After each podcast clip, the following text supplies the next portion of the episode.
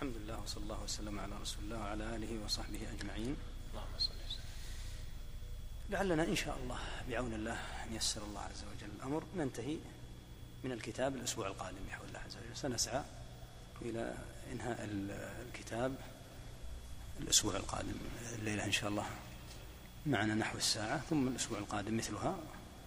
ولو احتجنا نمد لنا ربع ساعة أو ثلث ساعة الأسبوع القادم بإذن الله بحيث ننتهي إن شاء الله. سم.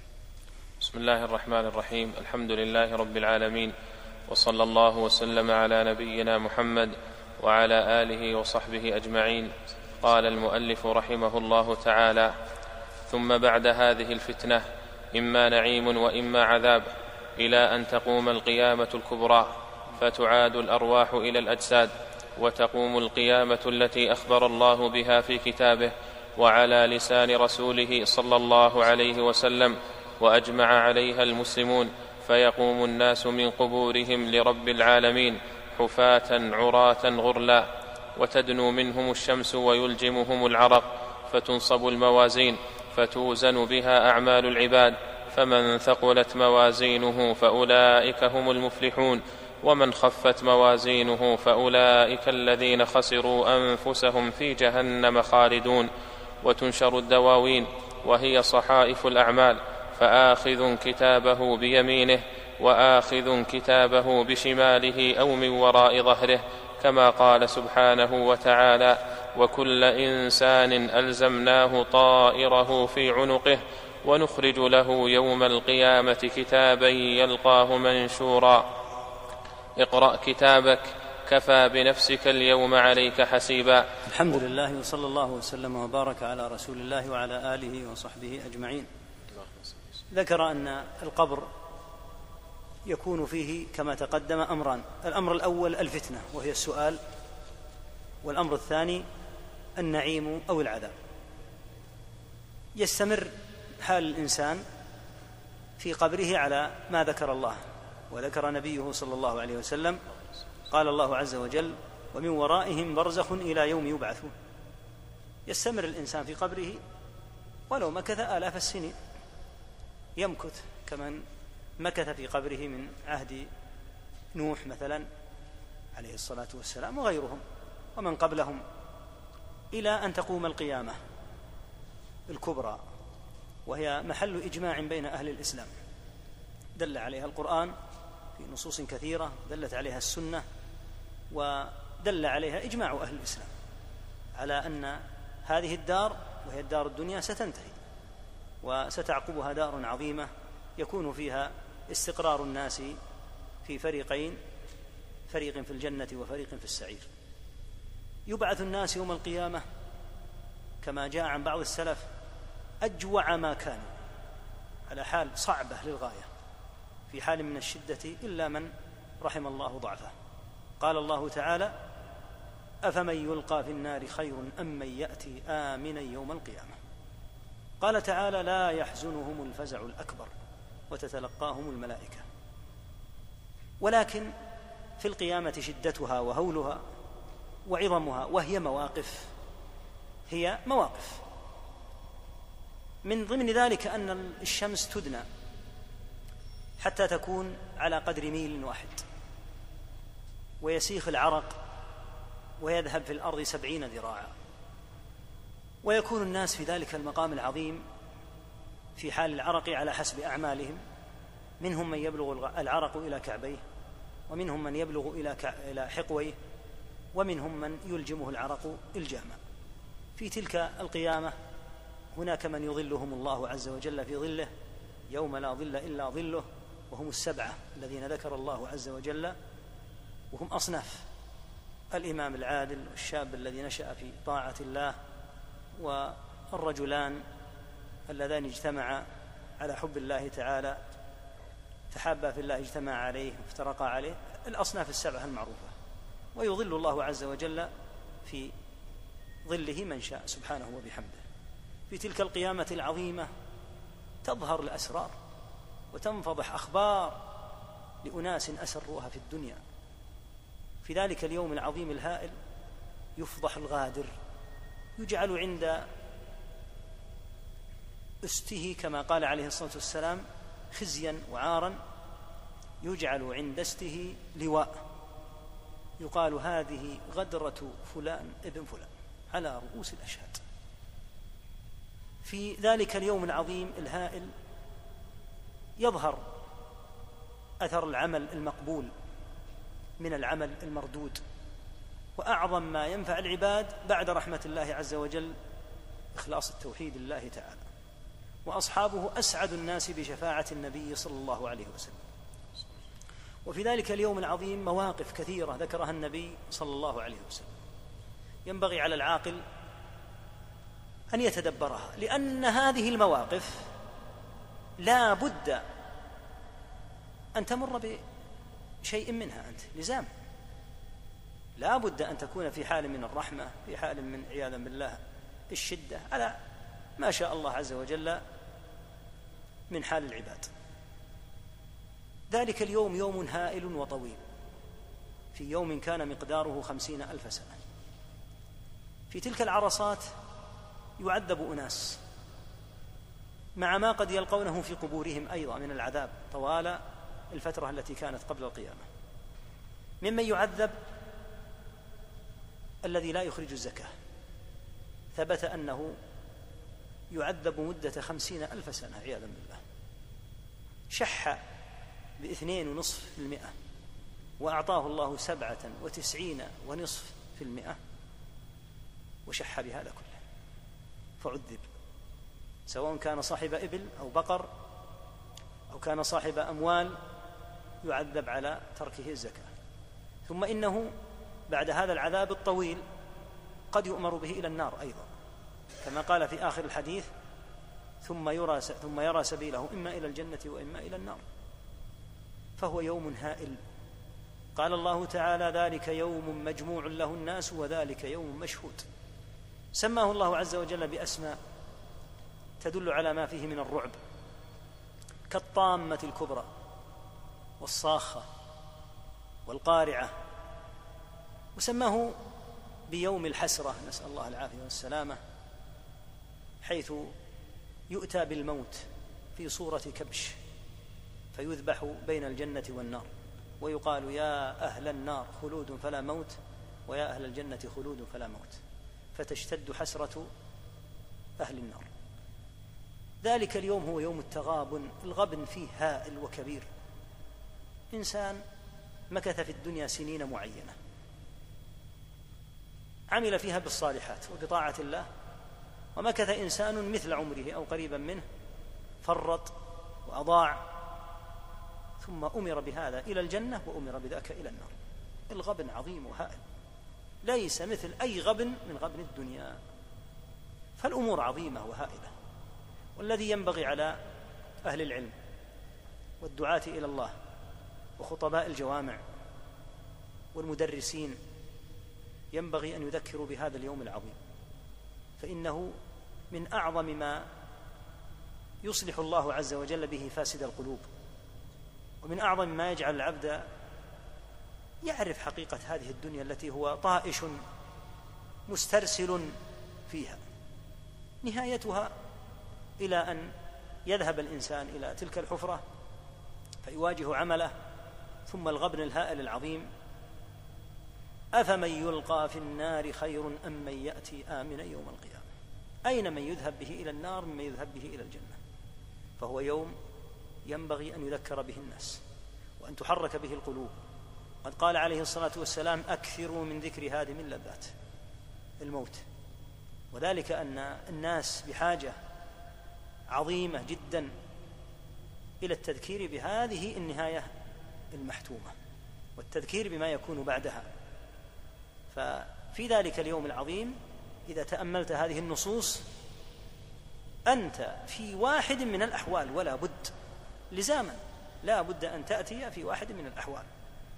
فالذي يقرأ ما في نصوص القيامة يستحضر أنها ليست في أناس. يعني إما أن تأخذ الكتاب بيمينك أو بشمالك. إما أن تكون من أهل الجنة أو أن تكون من أهل النار. إما أن تأتي آمنا يوم القيامة أو أن تلقى في النار.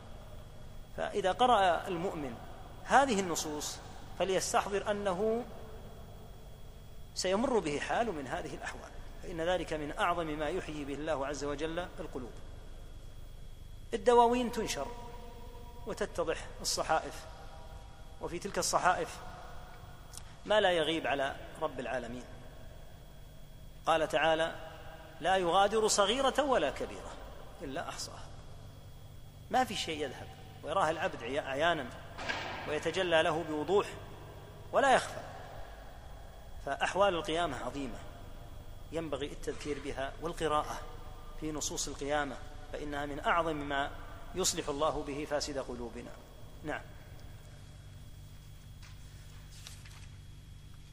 ويحاسب الله الخلائق ويخلو بعبده المؤمن فيقرره بذنوبه كما وصف ذلك في الكتاب والسنة.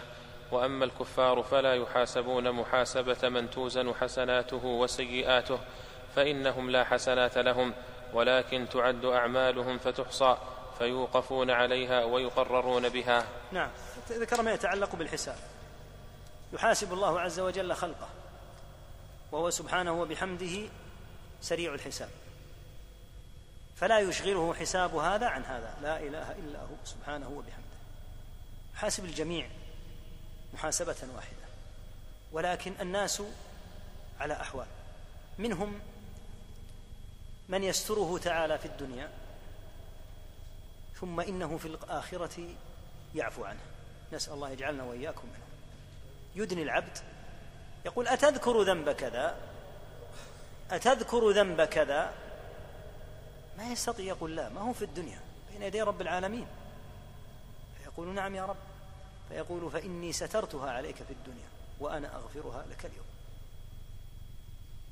حتى إن العبد يقول في بعض الروايات إذا رأى تبديل الحسنات بالسيئات يا ربي لا أرى سيئات لي لأنه يريد الآن بعد أن أمن يريد أن تذكر تلك السيئات بعد أن أمن وسلم من غائلتها. ولكن يا إخوة كما قال ابن عمر رضي الله عنهما عش ولا تغتر.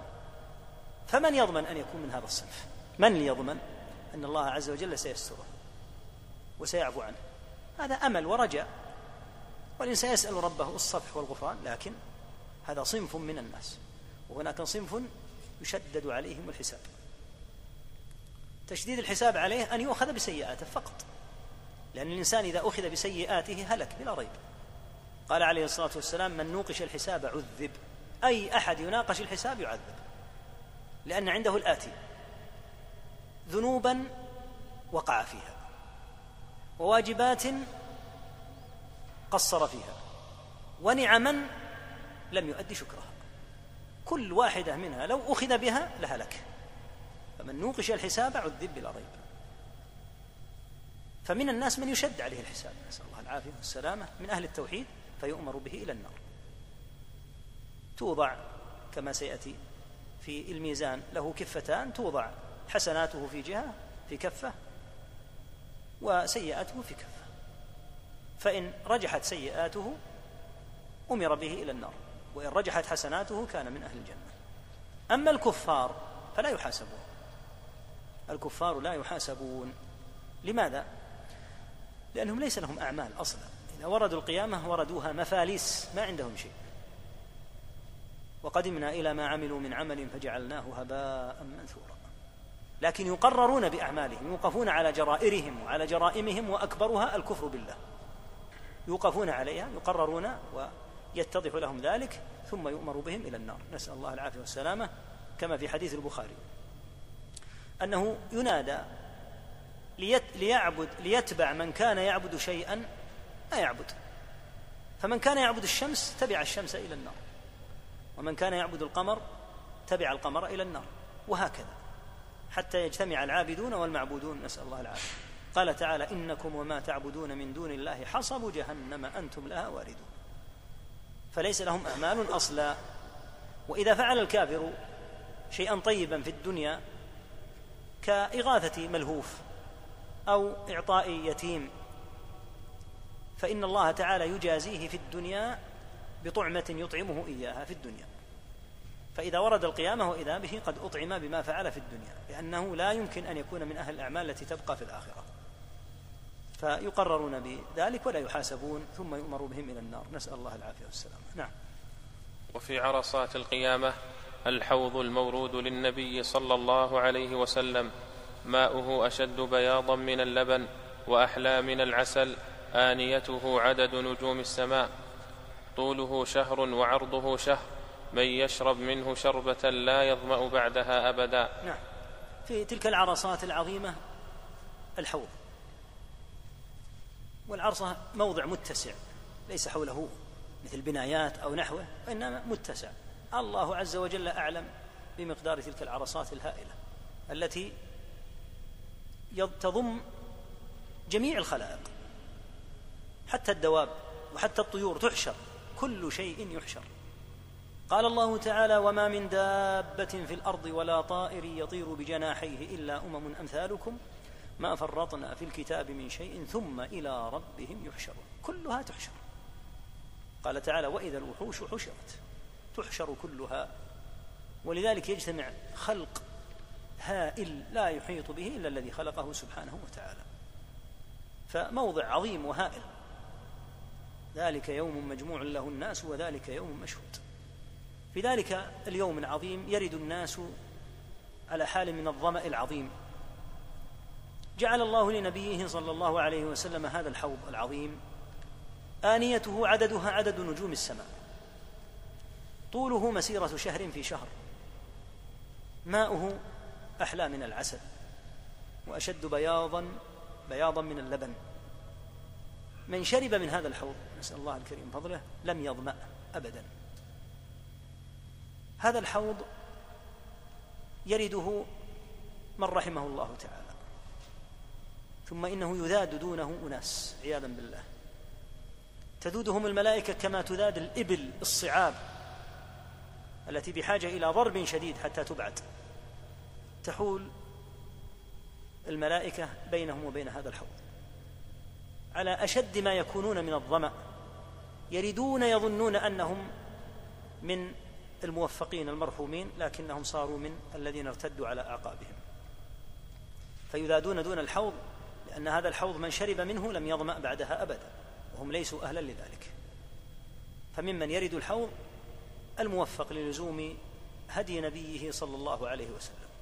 ولهذا يخشى على من يجعل من نفسه وكيلا للشيطان في حرب السنة وحرب الفضيلة يخشى عليه من أمور من ضمنها في القيامة الا يرد الحوض.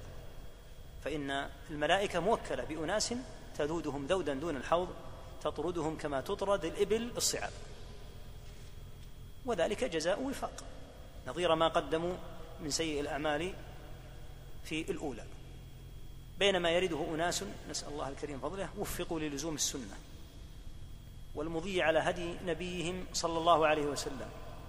ولم يكونوا في الهالكين والمتضعضعين والمتراجعين هدي نبيهم صلى الله عليه وسلم أحب إليهم من أنفسهم ومن أهليهم وأموالهم. فأولئك يجدونه كما قال تعالى كلوا واشربوا هنيئا بما أسلفتم في الأيام الخالية. فتلك الأيام التي خلت وهي بالنسبة لنا هي هذه الأيام بالنسبة لنا نحن الأحياء هي هذه الأيام. بما أسلفنا فيها من من الأعمال الصالحات أو والعياذ بالله الأعمال السيئات تكون العاقبة في القيامة. عند مواضع كثيرة عند الحوض عند الصراط كما سيأتي الحاجة إلى ثبات القدمين عند الفزع الأكبر يوم يحشر الناس كما تقدم حفاة عراة غرلا وهذه ما تكلمنا عنها حفاة أي غير منتعلين عراة بلا لباس. لا رجال ولا نساء. قالت أم المؤمنين رضي الله عنها يا رسول الله الرجال والنساء ينظر بعضهم إلى بعض. قال يا عائشة الأمر أعظم من أن ينظر بعضهم إلى بعض شدة الهول. كل إنسان همه نجاة نفسه. ما يقول هذه امرأة من شأنها أنها كذا وكذا. لا ما يقع في ذهنه من عظمة وفظاعة الحال وشدة الهول. يوم الفزع يوم فزع عظيم هائل. وهكذا يبعثون يبعث الإنسان أغرل يبعثون غرلا أي غير مختونين. قال تعالى كما بدأنا أول خلق نعيده. كل هذه المواقف في القيامة جميعها في العرصات في عرصات القيامة ومن ضمنها هذا الحوض. نعم. والصراط منصوب على متن جهنم. وهو الجسر الذي بين الجنة والنار يمر الناس عليه على قدر أعمالهم فمنهم من يمر كلمح البصر ومنهم من يمر كالبرق ومنهم من يمر كالريح ومنهم من يمر كالفرس الجواد ومنهم من يمر كركاب الإبل ومنهم من يعدو عدوا ومنهم من يمشي مشيا ومنهم من يزحف زحفا ومنهم من يخطف ويلقى في جهنم فإن الجسر عليه كلاليب تخطف الناس بأعمالهم فمن مر على الصراط دخل الجنة. نعم هذه أحوال الناس. الصراط جسر. جسر الله أعلم بهيئته. يمر عليه الجميع ويكونون على أحوال تسعة كما ذكر عندك هنا. على هذه الأحوال التسعة. جسر ينصب على جهنم. نسأل الله العافية والسلامة. جاء في وصفه أنه أدق من الشعر. وذلك ماذا يعني؟ أن المرور عليه لا يمكن أن يكون بحسب الاتزان في الجسم وبحسب النشاط لأنه لا يمكن أن يمر على مثل هذا إلا بالأعمال بلا شك. ثم يكون الناس على هذا الحال. منهم نسأل الله الكريم فضله من يمر كلمح بصر مجرد أن يبدأ ينتهي. نسأل الله يجعلنا وإياكم منه مباشرة. بدأ فانتهى وانتهى هم هذا الصراط. ومنهم من هو كالبرق ومنهم من هو كالريح ومنهم من هو كالفرس الجواد ثم منهم من هو دونه ركاب الإبل ثم منهم من يعدو عدوا يركض ركض ركضا ومنهم من يمشي مشيا ومنهم من يزحف زحفا. كل هذا على حسب الأعمال. ومنهم نسأل الله العافية والسلامة من يخطف خطفا فإن على الصراط كلاليب. قد علم علام الغيوب سبحانه وتعالى من تخطف. تأخذ بالعبد وتلقيه في النار. ولا تأخذ إلا من أمرت به. فالناس على هذا الحال في مرورهم على الصراط. ومن نجا من الصراط وهوله والسقوط في النار فإنه من أهل الجنة. يكون قد سلم. لأنه إذا كان من أهل النار هوى فيها. نسأل الله العافية. خطف. ولكن يكون المرور على الصراط على حسب حسن العمل في الدنيا. فالذي يمر كالبرق أو الذي يمر كلمح البصر مجرد لمحة لا شك أن أعماله عظيمة.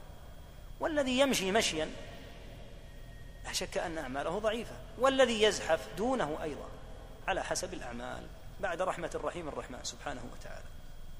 فذلك الموجود في الدنيا يا اخوانا ينعكس كله في الآخرة. ينعكس كله في الآخرة في العرصات على الحوض عند الورود عند المرور على الصراط في تلك الأحوال التي كان الرجل يخفي أمورا ويلبس أشياء على الناس ثم هو فيما بينه وبين الله تعالى عياذا بالله يجترئ عليها فضائح. نسأل الله لا يفضحنا ولا إياه فضائح عظيمة وأمور هائلة كثيرة تقع في ذلك اليوم. إلا من ستر الله وعفى عنه. فكل هذه مما تحرك القلوب. وتجعل العبد يتفكر في عاقبته وأن الأمر جد كما قال تعالى إنه لقول فصل وما هو بالهزل أمور عظيمة هائلة. ينبغي على العاقل أن يأخذها مأخذ الجد وأن يتهيأ لذلك اليوم العظيم يوم العرض الأكبر على رب العالمين. نعم.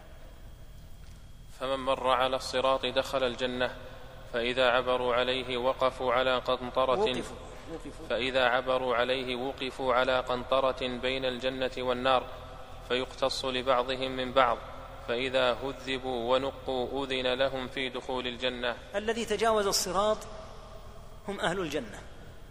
لكن بينهم مظالم. هذا لطم هذا هذا تعدى على هذا هذا تلفظ على هذا. ما يدخلون الجنة إلا إذا هذبوا ونقوا. فيقتص لبعضهم من بعض على تلك القنطرة. هم الآن من أهل الجنة لكن لا يدخلون حتى يرد لكل أحد ما تعداه على غيره. حتى لو أنه لطمه لطمة للطم اللاطم له في الآخرة على القنطرة بحيث يهذبون وينقون ولا تبقى بينهم مظالم فإذا هذبوا ونقوا أذن لهم في دخول الجنة. نعم. وأول من يستفتح باب الجنة محمد صلى الله عليه وسلم وأول من يدخلها من الأمم أمته. نعم هذا من فضل الله عز وجل. أول من يستفتح باب الجنة خير بني آدم جميعا محمد صلوات الله وسلامه عليه. هو أول من يستفتح باب الجنة. ومن نعمة الله ورحمته وفضله على هذه الأمة الفضل البالغ أن هذه الأمة وهي آخر الأمم هي أول الأمم دخولا إلى الجنة. وهي أيضا أكرم الأمم على الله تعالى. وهي أيضا أكثر أهل الجنة. فإن أهل الجنة مائه وعشرين صفا. ثمانون منهم من هذه الأمة. وذلك يدل على كثرة الداخلين من هذه الأمة في الجنة. نسأل الله الكريم فضله. فإن ذلك فضل الله عز وجل يؤتيه من يشاء. فجعلها الله آخر الأمم ولكن جعلها أبر وأكرم هذه الأمم. وذلك يا إخوة لمن لزم هدي محمد صلى الله عليه وسلم. لمن لزم هديه وطريقته صلوات الله وسلامه عليه يكون الوضع على هذا وإلا فالمفرط عرضة بلا شك عرضة لما قد يقع له من الحال الشديد في قبره أو في عرصات القيامة أو أن يدخل عياذا بالله عز وجل إلى النار ولكن كما تقدم في حال دخوله إلى النار فإنه لا يخلد فيها خلود الكافرين يمكث ما شاء الله تعالى ثم يخرج منها. نعم. وله صلى الله عليه وسلم في القيامة ثلاث شفاعات أما الشفاعة الأولى فيشفع في أهل الموقف حتى يقضى بينهم بعد أن يتراجع الأنبياء آدم ونوح وإبراهيم وموسى وعيسى بن مريم عن الشفاعة حتى تنتهي إليه. نعم. للنبي صلى الله عليه وسلم عدد من الشفاعات. الشفاعة العظمى والكبرى هي الشفاعة في أهل الموقف أن يقضي الله عز وجل بينهم. فإن الناس إذا اشتد بهم الحال سألوا الأنبياء. وهذا كما ينبغي أن يفهم ليس من الاستغاثة التي يدعيها أهل الشرك. يقول يجوز الاستغاثة بالأنبياء الآن. لا الاستغاثة بالحي الحاضر تجوز. سواء كان في الدنيا أو كان في الآخرة. فإن الناس يبعثون في القيامة ولكن لا يجوز أن تطلب الشفاعة الآن وأن يستغاث بأحد الآن كما يروج مروج الشرك. إنما كان الصحابة رضي الله عنهم يطلبون من النبي صلى الله عليه وسلم الدعاء لهم أو مرافقته في الجنة حين كان حيا صلوات الله وسلامه عليه. فأما بعد أن مات فحاشا لله. أن يأتوا إلى قبره أو عند غير قبره يقولون اشفع لنا. لكن في القيامة إذا بعث الله تلك الخلائق ورأى الناس أباهم آدم ورأوا نوحا وإبراهيم وموسى وعيسى ومحمدا صلى الله عليهم جميعا وسلم تسليما كثيرا طلبوا منهم الشفاعة. هذا لا إشكال فيه. فيتراجع فيعتذر آدم ويذكر ذنبه ويحيلهم إلى نوح ثم نوح أيضا يعتذر ويحيلهم إلى إبراهيم. نوح إبراهيم يعتذر ويحيلهم إلى موسى. موسى يعتذر ويحيلهم إلى عيسى. عيسى يعتذر ويحيلهم إلى محمد صلوات الله وسلامه عليه. ثم إنه عليه الصلاة والسلام وهو أعلم الناس بربه لا يشفع مباشرة. لماذا؟ لأن الشفاعة لله وهو الذي يتفضل بها ويأذن. فليست الشفاعة لأحد. قال الله تعالى قل لله الشفاعة جميعا فالشفاعة لله ثم إنه يأذن بها لمن يشاء. قال تعالى من ذا الذي يشفع عنده إلا بإذنه قال عز وجل ولا يشفعون إلا لمن ارتضى وقال تعالى وكم من ملك في السماوات لا تغني شفاعتهم شيئا إلا من بعد أن يأذن الله لمن يشاء ويرضى فتحصل من هذه النصوص وغيرها أن الشفاعة أولا هي لله. وليست لغيره تعالى. ثم إنه تعالى يأذن فيها في وقت ما محدد. ولا يأذن فيها في البداية الشفاعه العظمى هذه لا يأذن فيها لأي أحد وإنما تكون لمحمد صلى الله عليه وسلم. ولهذا اعتذر عنها آدم واعتذر عنها أولو العزم من الرسل الخمسة آدم آه، نوح وإبراهيم وموسى وعيسى. اعتذر أربعة منهم ولا يشفع إلا محمد صلى الله عليه وسلم الشفاعة العظمى هذه لأنها خاصة به. ثم إنه عليه الصلاة والسلام يخر تحت العرش ساجدا لربه يستأذن. جاء في الحديث أنه يخر جمعة يعني أسبوعا صلى الله عليه وسلم ساجدا. ويفتح الله عز وجل عليه محامد لم يكن يعرفها. بعد ذلك يقال له ارفع رأسك. وسل تعطى واشفع تشفع. جاء الإذن. أما قبلها فلا شفاعة. ثم إنه صلوات الله وسلامه عليه يقول أمتي يا رب أمتي يا رب أمتي يا رب عليه الصلاة والسلام. فيأذن الله عز وجل بالشفاعة. والشفاعة الأولى هذه هذه الشفاعة لجميع أهل الموقف بأن يفصل الله عز وجل القضاء بينهم. أما الشفاعات الآتية كما سنذكر إن شاء الله عز وجل مثل الشفاعة لأحد بالخروج من النار ونحوها فإنها لا بد فيها من شرطين اثنين. الشرط الأول إذن الله عز وجل بالشفاعة والرضا عن المشفوع له. لا بد أن يرضى الله ولا يرضى الله إلا عن الموحد. كما في حديث أبي هريرة من أسعد الناس بشفاعته قال من قال لا إله إلا الله خالصا من قلبه. أما الأولى هذه العامة فإن فيها الإذن لمحمد صلى الله عليه وسلم. وهي للجميع لأن المقصود بها أن يفصل الله عز وجل القضاء بين الخلائق. نعم. وأما الشفاعة الثانية فيشفع في أهل الجنة أن يدخلوا الجنة وهاتان الشفاعتان خاصتان له. هذه شفاعة ثانية. الذين سيدخلون الجنة يشفع لهم عليه الصلاة والسلام في أن يدخلوا الجنة. هذه والتي قبلها خاصة به عليه الصلاة والسلام. هناك أيضا شفاعة ثالثة خاصة به وهي الشفاعة في أبي طالب تحديدا. لا بالخروج من النار لأنه لا يخرج من النار أهل الكفر ولكن بتخفيف عذابه فقط. كما في الحديث أن النبي صلى الله عليه وسلم شفع فيه فصار في ضحضاح من نار عياذا بالله. تجعل جمرة تحت أخمصه يغلي منها دماغه. وهذا أخف عذاب أهل النار. ولكن لا يخرج منها لأن أهل الكفر لا يخرجون منها أبدا. نعم. وأما الشفاعة الثالثة فيشفع في من استحق النار وهذه الشفاعة له ولسائر النبيين والصديقين وغيرهم. فيشفع في من استحق النار أن لا يدخلها ويشفع في من دخلها أن يخرج منها. الشفاعة الثالثة هذه خاصة بالذين أمر بهم إلى النار عياذا بالله. فهناك من يشفع فيه ممن استحق دخول النار أن لا يدخلها. فتقبل شفاعته فلا يدخلها مع أنه مستحق لدخولها. وهناك شفاعة في من دخلها وباشرها فيشفع لهم في أن يخرجوا منها. هذه الشفاعة ليست خاصة به عليه الصلاة والسلام. بل تشفع الملائكة وتشفع الأنبياء ويشفع الصالحون ويشفع الأفراط حتى. الأفراط الصغار الذين يموتون يشفعون لآبائهم.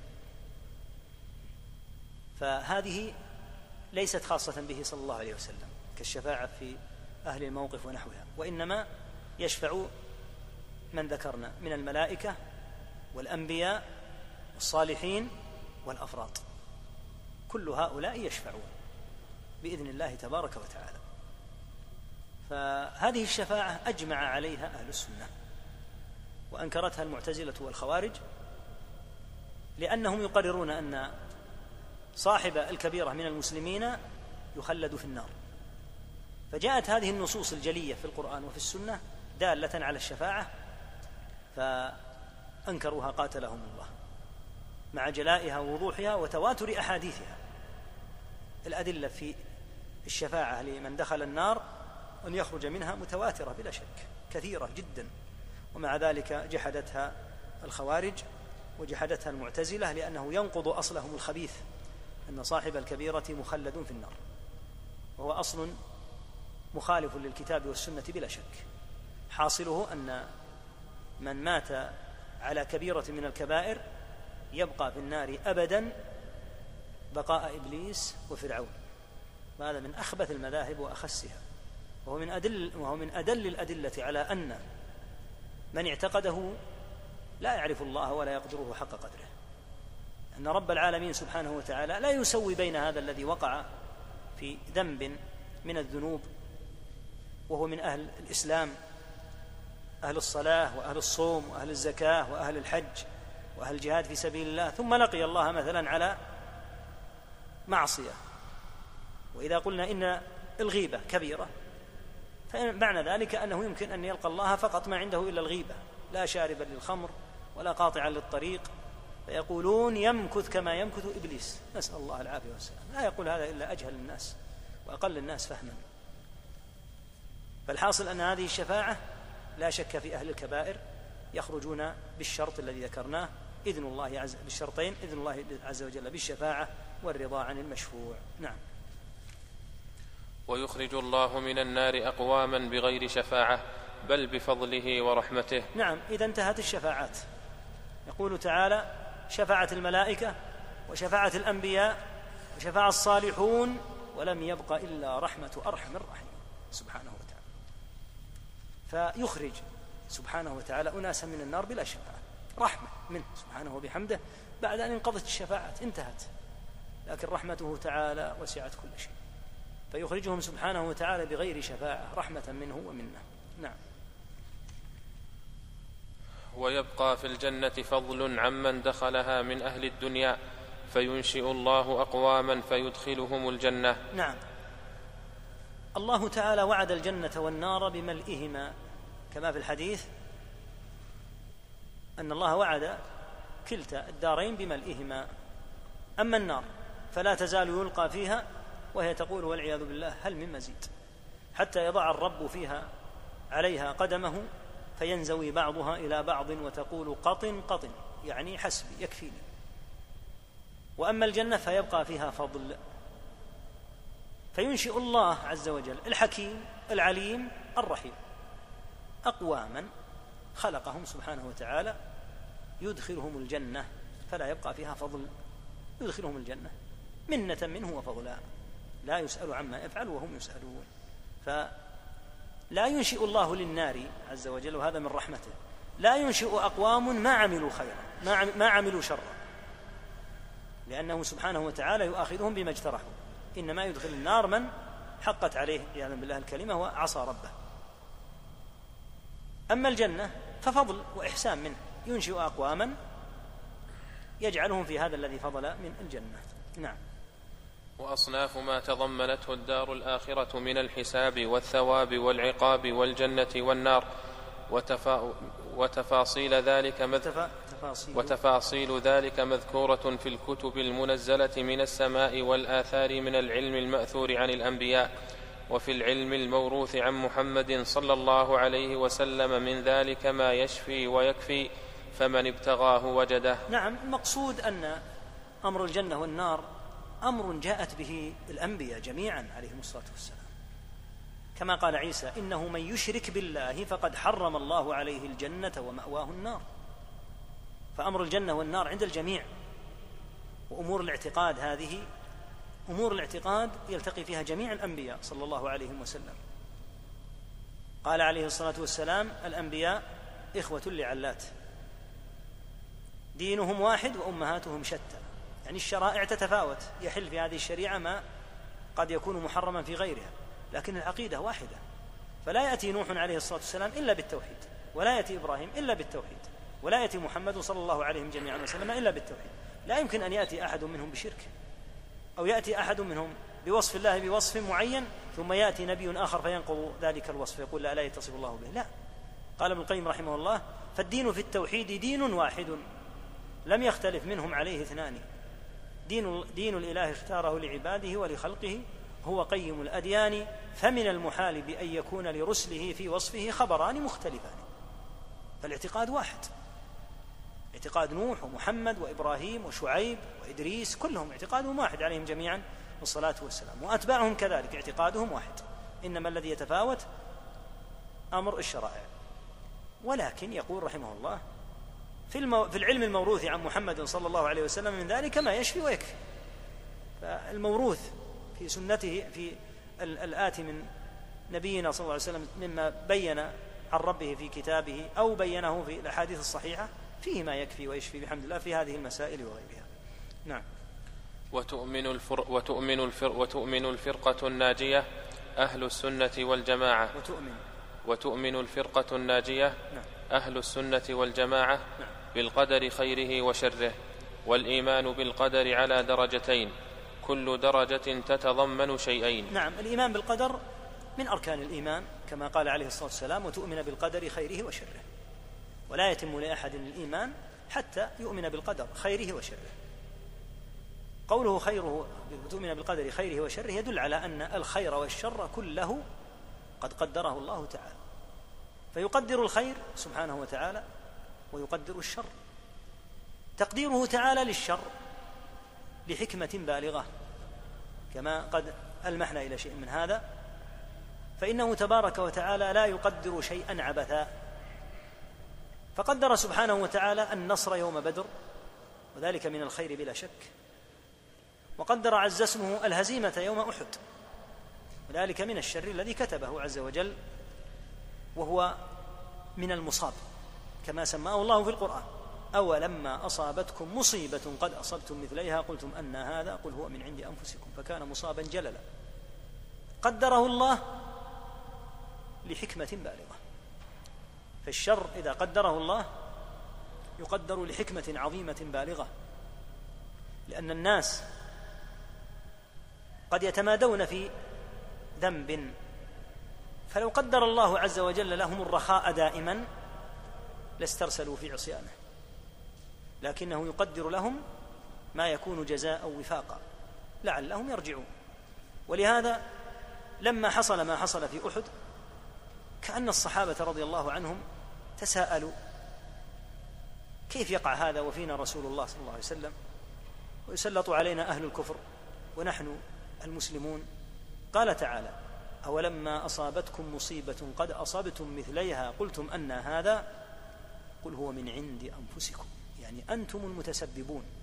وذلك أن الرماة رضي الله عنهم وعفى عنهم نزلوا مع أن النبي صلى الله عليه وسلم نهاهم عن النزول البتة.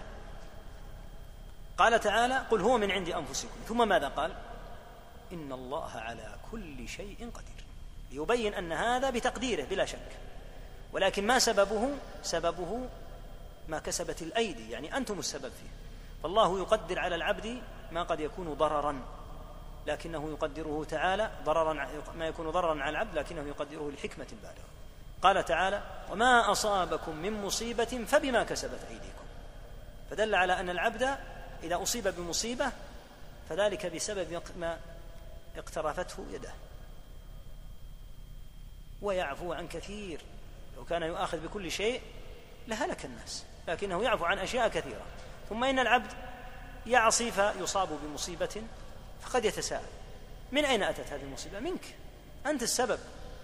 لكن من قدرها؟ قدرها الله بلا أدنى شك. قال تعالى في الآية العظيمة الجليلة التي بينت أمر الخير والشر وإن تصبهم حسنة يقولوا هذه من عند الله وإن تصبهم سيئة يقولوا هذه من عندك قل كل من عند الله. الله الذي قدر الجميع السيئة والحسنة الخير والشر. قل كل من عند الله فما لهؤلاء القوم لا يكادون يفقهون حديثا؟ ما يفهمون أن الذي يقدر هذه الأمور هو الله ثم بين الأمر. ما أصابك من حسنة فمن الله وما أصابك من سيئة فمن نفسك. يعني أنت السبب. أما أصل التقدير فلا شك أنه من الله تعالى. فيؤمن أهل السنة بالقدر خيره وشره. والإيمان بالقدر سيأتي الكلام عليه إن شاء الله على درجتين نعم. فالدرجة الأولى الإيمان بأن الله تعالى عليم بما الخلق عاملون بعلمه القديم الذي هو موصوف به أزلا وأبدا. وعلم جميع أحوالهم من الطاعات والمعاصي والأرزاق والآجال. ثم كتب الله في اللوح المحفوظ مقادير الخلق. فأول ما خلق الله القلم قال له اكتب قال ما أكتب. قال اكتب ما هو كائن إلى يوم القيامة فما أصاب الإنسان لم يكن ليخطئه وما أخطأه لم يكن ليصيبه جفت الأقلام وطويت الصحف كما قال تعالى ألم تعلم أن الله يعلم ما في السماء والأرض؟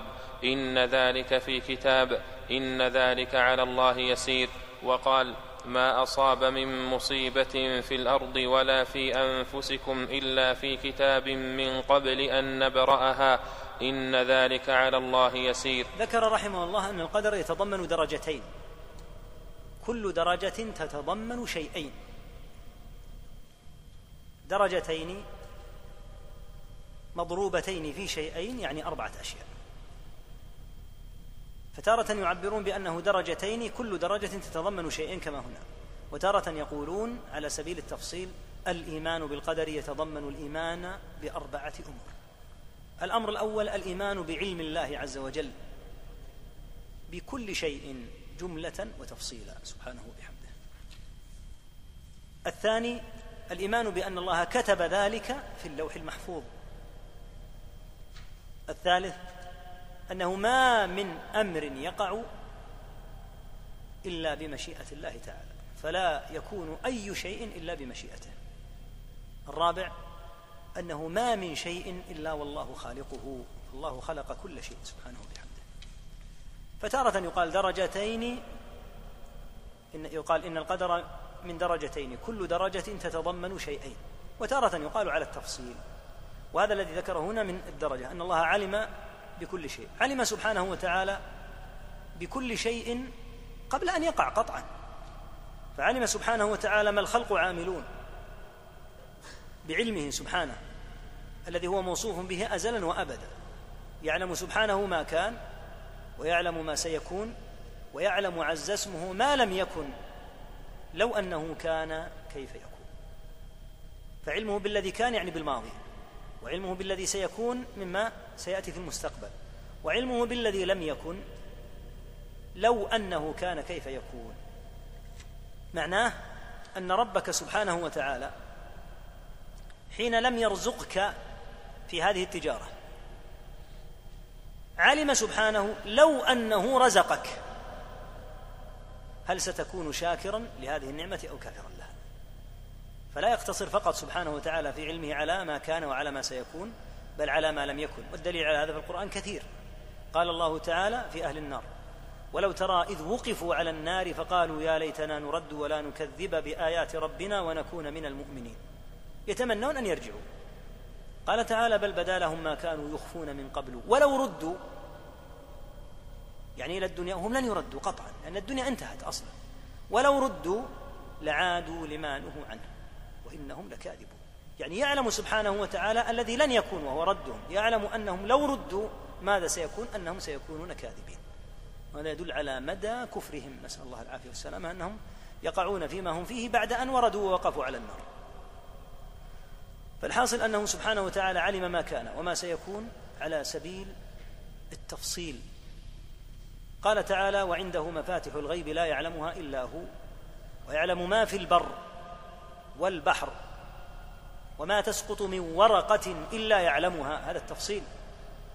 ولا حبة في ظلمات الأرض ولا رطب ولا يابس إلا في كتاب مبين. وقال تعالى وما يعزب عن ربك من مثقال ذرة في السماوات ولا في الأرض ولا أصغر من ذلك ولا أكبر إلا في كتاب مبين. فهذه الآية والتي قبلها تضمنت الدرجتين العلم والكتابة. قال تعالى ألم تعلم أن الله يعلم ما في السماء والأرض؟ وهي درجة العلم. ثم قال إن ذلك في كتاب. قال تعالى ما أصاب من مصيبة في الأرض ولا في أنفسكم إلا في كتاب من قبل أن نبرأها. فالكتابة السابقة والعلم سابق لوجود الأشياء. لهذا في حديث عبد الله بن عمر عمرو رضي الله عنهما أن النبي صلى الله عليه وسلم قال إن الله كتب مقادير الخلق قبل أن يخلق السماوات والأرض بخمسين ألف سنة. سبحانه وبحمده فالعلم سابق بلا شك يعلم الأشياء قبل أن تقع. وكتبها سبحانه وتعالى في اللوح المحفوظ في كتاب لا يعزب فيه عن رب العالمين شيء. سبحانه وبحمده. فهذا ما يتعلق بدرجة العلم ودرجة الكتابة. أنكرت القدرية الأوائل من مثل معبد الجهني وغيلان الدمشقي ونحوهم أنكروا والعياذ بالله الدرجة الأولى وهي درجة العلم. فاتفق السلف على كفرهم. وأن من أنكر علم الله بالأشياء التي ستكون أنه كافر. وتقدم قولهم قول السلف ناظروهم بالعلم فإن أقروا به خصموا وإن جحدوه كفروا. الذي يقر بالعلم يخصم في أمر القدر. أما الذي يجحد العلم عياذا بالله فإنه يكفر. ولهذا في أول حديث في صحيح مسلم أن ابن عمر رضي الله عنهما لما قيل له إن قوما خرجوا في البصرة يتقفرون العلم يقولون لا قدر والأمر أنف يعني مستقبل جديد لا يعلمه الله. نسأل الله العافية. قال فإذا لقيت أولئك فأخبرهم أني بريء منهم وأنهم براء مني. واشتد الصحابة رضي الله عنهم عليهم. وكانوا قد أدركوا صغار الصحابة. رضي الله عنهم صغار الصحابة زمن النبي صلى الله عليه وسلم لكن في ذلك الزمن كانوا كبارا عليهم رضوان الله. أدركهم ابن عمر ابن عباس وأنس وواثلة بن الأسقى وأبو سعيد الخدري رضي الله عنهم ونحوهم فاشتدوا في الإنكار عليهم فانطفأ هذا المذهب الخبيث الذي ينكر العلم. وورثه المعتزلة فأقروا بالعلم ونفوا الدرجتين الثالثة والرابعة الآتيتين. نعم. وهذا التقدير التابع لعلمه سبحانه يكون في مواضع جملة وتفصيلا. فقد كتب في اللوح المحفوظ ما شاء. وإذا خلق جسد الجنين قبل نفخ الروح فيه بعث إليه ملكا. فيؤمر بأربع كلمات. فيقال له اكتب رزقه وأجله وعمله وشقي أو سعيد ونحو ذلك. فهذا التقدير قد كان ينكره غلاة القدرية قديما. فهذا التقدير قد كان ينكره غلاة القدرية قديما ومنكروه اليوم قليل. نعم التقدير الأول السابق لخلق السماوات والأرض هو الأصل. ثم هناك تقدير بعد خلق آدم عليه الصلاة والسلام وهو التقدير الثاني. هناك أيضا تقدير للجنين وهو في بطن أمه. دلت السنة على أن له تقديرين اثنين. التقدير الأول بعد مضي أربعين يوما من النطفة. التقدير الثاني كما في حديث ابن مسعود الثاني داخل الجنين الذي هو الرابع الآن كما في حديث ابن مسعود بعد نفخ الروح فيه. وهناك تقدير سنوي وهو الذي يكون في ليلة القدر وهو الوارد في قوله تعالى إنا أنزلناه في ليلة القدر. قال بعض أهل العلم إن كان الذين فسروا القدر بالعظم والشرف. قال ابن القيم إن كان قصدهم الاقتصار على هذا فليس هذا إلا بعض المعنى. والمعنى في قوله إن أنزلناه في ليلة القدر أعم أي المقصود التقدير. والدليل على ذلك قوله تعالى في سورة الدخان إنا أنزلناه في ليلة مباركة إنا كنا منذرين فيها يفرق كل أمر حكيم. أمرا من عندنا. فيفرق الأمر الحكيم من رب العالمين سبحانه وتعالى وتكتب وذلك ليلة القدر. يكتب من يغزو يكتب من يحج يكتب من يموت يكتب ما شاء الله عز وجل أن يكتب. ثم اعلم أن التقدير الذي يكون في الجنين والتقدير الذي يكون ليلة القدر والتقدير الذي كان بعد خلق آدم لا يعارض التقدير الأول الاصل وإنما هذه كما قال التقدير يكون جملة وتفصيلا فيكون بمثابة الاستمرار لما قبله وإلا فاللوح المحفوظ قد كتب فيه كل شيء كما في الحديث وكتب في الذكر كل شيء. نعم. وأما الدرجة الثانية فهي مشيئة الله النافذة وقدرته الشاملة وهو الإيمان بأن ما شاء الله كان وما لم يشأ لم يكن وأنه ما في السماوات وما في الأرض من حركة ولا سكون إلا بمشيئة الله سبحانه لا يكون في ملكه ما لا يريد وأنه سبحانه على كل شيء قدير من الموجودات والمعدومات. نعم ذكر الدرجة الثانية وهي تتضمن شيئين المشيئة والخلق. فلله عز وجل المشيئة النافذة وله القدرة الشاملة التي لا يمكن أن ترد. فما شاء تعالى كان لا بد أن يقع. وما لم يشأ فإنه لا يكون. ما في السماء ولا في الأرض حركة ولا سكون تقع إلا بمشيئة الله تعالى. ولا يمكن بحال من الأحوال أن يقع شيء قسرا على الله. يعني يستحيل أن يقع أمر والله لا يريده. ومن قال هذا فقد أعظم الفرية على رب العالمين. مقتضى ربوبيته سبحانه ألا يقع شيء أبدا إلا بمشيئته. وذلك مرتبط ارتباطا تاما بالربوبية. هو الرب سبحانه وتعالى المالك المتصرف فلا يقع في هذا الكون شيء إلا أراده. والعباد كما تقدم لهم مشيئة بلا شك ولكن لا تنفذ مشيئتهم إلا إذا شاء الله سبحانه وبحمده. فمهما شاء العبد فإنه لا تقع مشيئته إلا إن شاء الله. والعبد بلا شك مؤاخذ بحسب مشيئته وقدرته ولكن يستحيل أن يوقع العبد شيئا قسرا على الله. سبحان الله عن ذلك وتعالى علوا كبيرا. فالذي وقع مثلا في أحد من رجوع خالد بن الوليد رضي الله عنه بالجيش من جهة الرماة ونزولهم على المسلمين وقتل سبعين من الصحابة وما وقع مما وقع حتى كاد نبي الله صلى الله عليه وسلم أن يقتل وأصيب إصابات عظيمة صلوات الله وسلامه عليه في وجهه الشريف ووقع في حفرة من الحفر التي جعلها عدو الله أبو عامر الفاسق. كل هذا بمشيئة الله. ما يقال إن خالد بن الوليد فعل أمرا لا يريده الله. يستحيل هذا الأمر. بل كل هذا بمشيئته ولكن كما تقدم قال تعالى إذا سئل لماذا؟ قال لا تقل لماذا؟ هذا بسبب ما كسبت الأيدي. وهذا فيه درس عظيم جدا أمر القدر درس عظيم للأمة.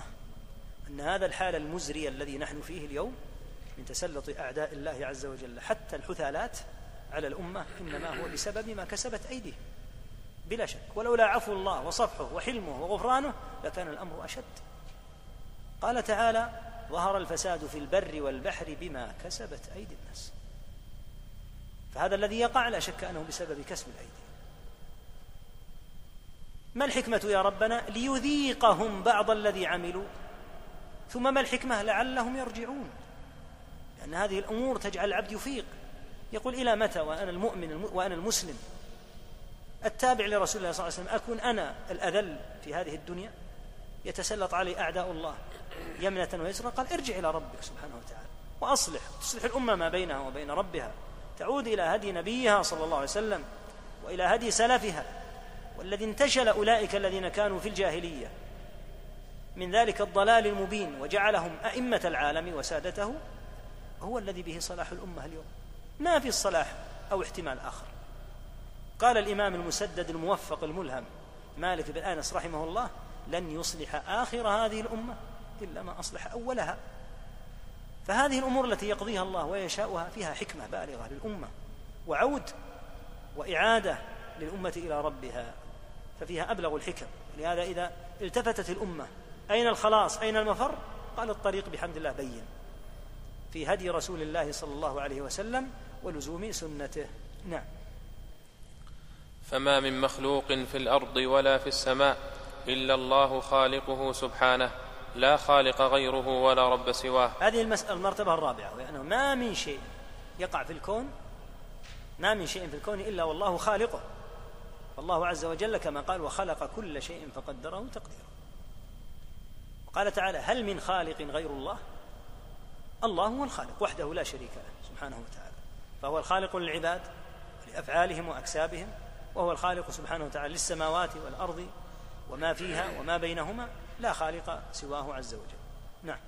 ومع ذلك فقد أمر العباد بطاعته وطاعة رسله ونهاهم عن معصيته. نعم لا يفهم أحد من هذا أن العباد في هذه الحالة يقولون ما دامت الأمور بمشيئة الله فإن لا معابة علينا في أن نأتي المحرمات أو أن نترك الواجبات. قال مع ذلك الله أمرك بطاعته وما أمرك إلا وأنت قادر. وهيأ لك الأسباب. السمع والبصر والفؤاد ويسر لك الأسباب سبحانه وتعالى. فأنت مؤاخذ لأن لك مشيئة وقدرة بهما تؤاخذ. أما ما يقع بلا مشيئتك يقع أمر قسرا عليك يمثل له أهل العلم بحركة المرتعش. يقولون هذا الشخص الذي تتحرك يده بسبب إشكال في الأعصاب عنده. هذه الحركة لو قيل له أوقفها يقول أنا ما أقدر. اليد الآن يدك تتحرك. ليس هذا بكسب وليس باختياري. وإذا صليت وظللت طول الصلاة وأنا أتحرك فإن هذه ليست من الحركات العابثة. لماذا؟ لأنها بغير اختياره. ومنه السقوط من علو. فلو أن إنسانا سقط من بناء شاهق فمات. فإن هذا السقوط الذي لم يتعمده يسمى فعلا غير اختياري. أما لو صعد إلى هذا الموضع العالي ورمى بنفسه فإنه يسمى منتحرا. ويقال ما الفرق بين الحالة هذه والحالة هذه؟ الحالة الأولى أنه لم يختر أن يسقط وإنما زلت به قدمه فسقط فمات. فيرجى أن يكون ممن تكفر عنهم السيئات بهذه المصيبة التي حلت به. أما الثاني فمدان ومجرم لأنه تعمد أن ينتحر. ما الفرق بين هذا وهذا؟ وكلاهما سقط من علو واحد. الأول فعله غير اختياري. والثاني فعله اختياري والله إنما يؤاخذ بالأفعال الاختيارية. نعم. وهو سبحانه يحب المتقين والمحسنين والمقسطين ويرضى عن الذين آمنوا وعملوا الصالحات ولا يحب الكافرين ولا يرضى عن القوم الفاسقين ولا يأمر بالفحشاء ولا يرضى لعباده الكفر ولا يحب الفساد. تقدم ما يتعلق بصفة الرضا والسخط عنه تعالى. هو تعالى يحب من العبد أن يطيعه وأن يتقيه. ويحب من العبد أن يحسن. ويحب من العبد أن يتوب كما تقال كما تقدم. إن الله يحب التوابين ويحب المتطهرين. والله يحب المحسنين.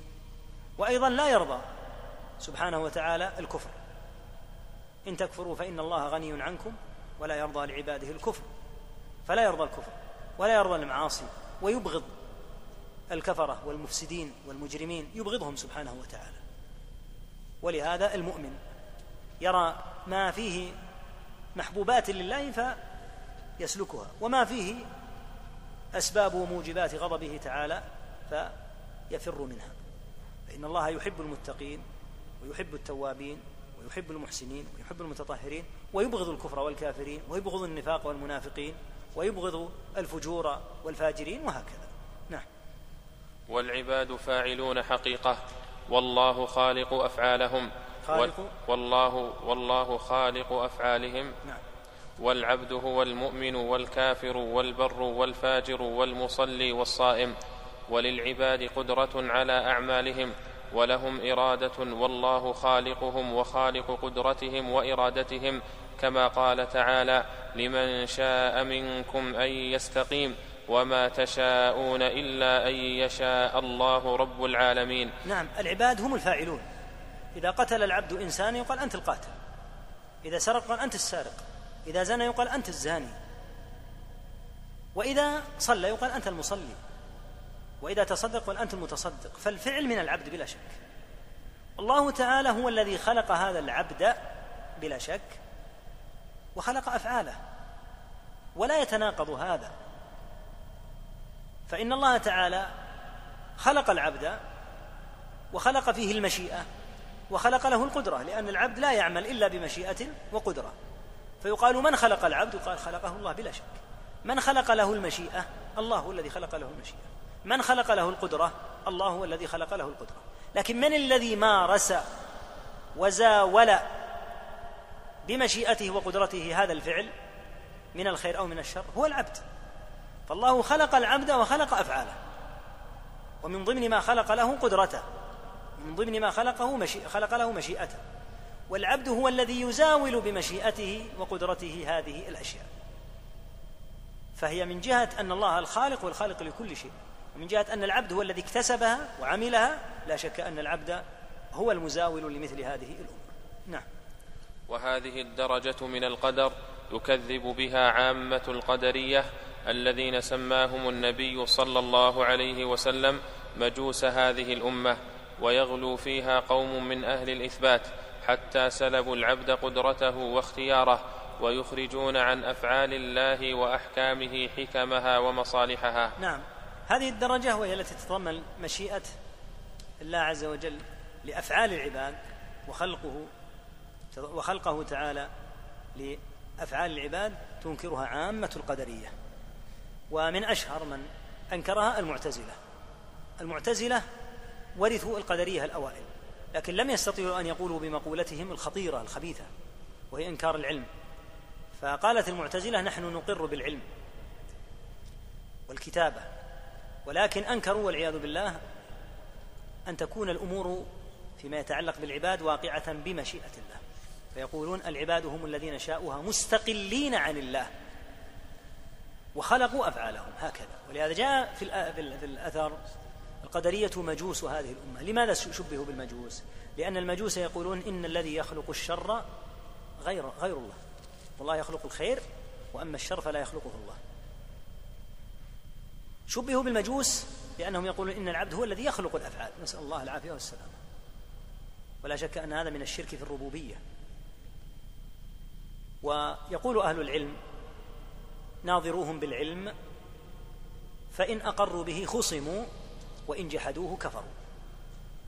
الذي يثبت المشيئة يثبت العلم والكتابة يقال له أنت الآن أثبتت العلم ولو لم تثبت العلم لكنت كافرا لأن الذي يقول إن الله لا يعلم الأشياء حتى تقع هذا كما تقدم أكفره السلف رضي الله عنهم. لكن يقول أنا أقول إن الله يعلم ولكن لم يشأ الأفعال. من يشاؤها؟ يقول يشاؤها العبد مستقلا عن الله. ويخلقها مستقلا عن الله. يقال له ما دام العبد مستقلا بزعمك أيستطيع العبد أن يغير علم الله ولا لا؟